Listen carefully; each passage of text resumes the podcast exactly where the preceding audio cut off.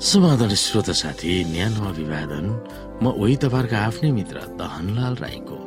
श्रोता आजको बाइबल सन्देशको भागमा मैले आज अमेरिकाको लस अञ्जलदेखि रोमसम्मको कथा मेलानी इटालीबाट लिएर आएको छु।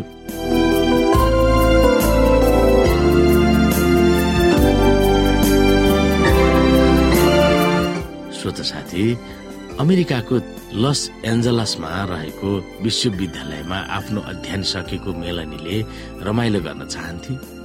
उनी पार्टीमा रमझम गर्न र यताउति घुम्न मन पराएकी थिइन्। उनी मोज मजामा डुबिसकेकी थिइन् जब आफ्नो भाइ बिस वर्षको रोन्डीको मृत्यु भयो भनेर खबर फोनबाट पाउँदा उनी रोममा नै थिइन्। पाँचजना दिदी बहिनी र दाजुभाइहरूका रान्डी सबभन्दा कान्छो थियो। रान्डी र मेलनी एकदम मिल्दथे। रान्डीको शरीर बिहान पाँच बजे पौडी खेल्ने तलाउमा तैरिरहेको थियो। उनको जाँच गर्दा उनलाई हृदयघात भएको पत्ता लगाएको थियो। शनाखत गर्दा त्यहाँ ऊ कुनै अरू कारणबाट मृत्यु भएको देखाएको थिएन। हृदय छिया छिया भएको मेलनी आफ्नो घर लस एन्जलसमा धेरै प्रश्नहरू बोकेर फर्किन्। रान्डी किन मर्यो उनले मृत्युको बारेमा सोच्न थालिन् मानिस मरेपछि के हुन्छ? उनले जान्न चाहिन्। आफ्नै जीवनको अर्थ के छ भनेर सोच्न थालिन् उनले आफ्नो पार्टी जीवन झन् तीव्र पारिन्। उनले आफूमा भएको वेदनालाई लुकाउन खोजेकी थिइन्। अनि नाट्यशालामा नाटक गर्न सिकिरहेकी बहिनीले उनलाई पनि नाट्यशालामा कक्षा लिन बोलाइन्। नाटक खेल्नेमा भाग लियो भने आफूमा भएको रिस र वेदनाबाट राहत पाउनेछ बहिनीले पनि मेलनीले नाटक खेल्ने कक्षाहरू लिन थालिन् र उनी पनि नाटकमा भाग लिन थालिन्। अनि एक दिन एकजना इटाली युवकसँग उनको माया प्रीति बस्यो। उनी त्यस युवकसँग इटालीमा सरिन्।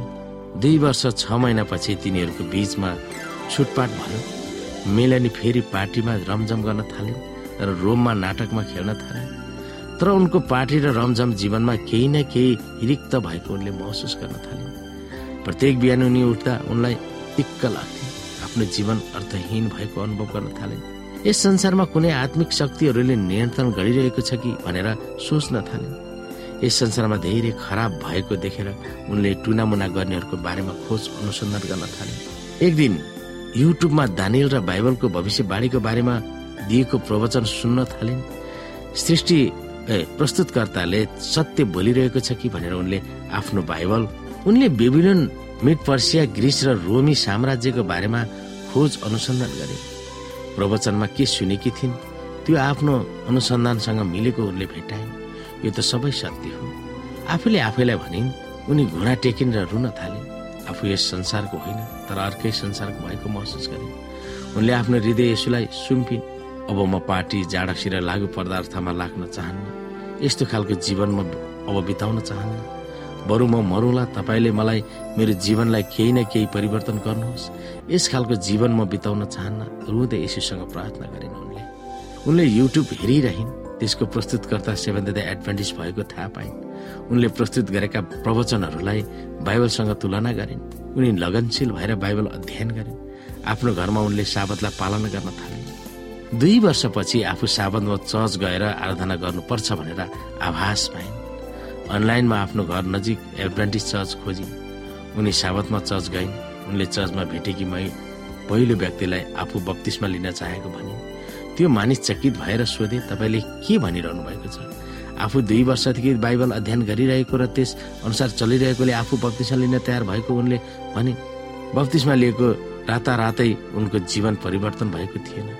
उनी अझ पार्टीमा जान्थिन् र नयाँ जीवन पुरानो जीवनसँग मिलाउन खोजेकी थिइन्। तर आफूले पहिला मन परेका थोकहरूप्रति उनी नियास्र मान्न थाले। आफूलाई एक फेरा नियास्र लागेको थोक चाखलाग्दो हुन थाले। उनी पवित्रकरणको अनुभव गर्दै थिइन्। उनी भित्र पवित्र आत्माले काम गर्दै थिए उहाँले धेरै काम गर्नुहुन्छ। उहाँले धेरै काम गर्नु छ तर म भित्र उहाँ काम गरिरहनु भएको छ मेलेनीले बताए। आज मेलेनीलाई थाहा छ कि पापले गर्दा मृत्यु आएको हो। जब मानिसहरू मर्दछन् तब चियानमा यसु नाउन्जेल सुतिरहेको हुन्छ भन्ने उनलाई थाहा छ। आफूले आफ्नो जीवन अर्थमूलक भएको उनले बताउँछिन्। अरूहरूलाई यसुको प्रेम र उहाँको आगमनको आशा सुनाउन चाहेको उनले भने दानियल बाह्र अध्यायको तिनमा लेखिएको छ बुद्धिमान मानिसहरू आकाशमा चहकिलो भएर चम्किनेछ र जो धर्मी हुन फर्किन्छन् तिनीहरू तारा जस्तै सदा सदा चम्किरहनेछ। मेलानीले रोमका बस रेस्टुरेन्टहरूमा प्रचार पत्रिकाहरू छोड्छिन्।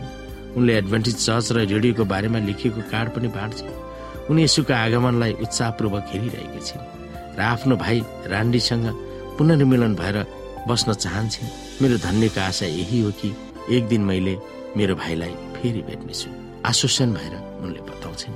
पक्कै पनि श्रोता जो मेलनीले आफ्नो भाइ रानीलाई भेट्नेछ उहाँको विश्वास उहाँको अर्थपूर्ण आशा भरोसाले र अर्थपूर्ण प्रभुसँगको भरोसाले आफ्नो भाइलाई अवश्य पनि प्रभुको दोस्रो आगमनसँगै भेट्नेछ।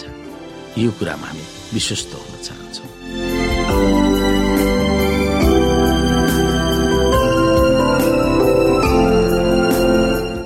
श्रोता साथी आजको लागि तपाईँबाट म बिदा हुन चाहन्छु। हस्त नमस्ते जय मसिंह।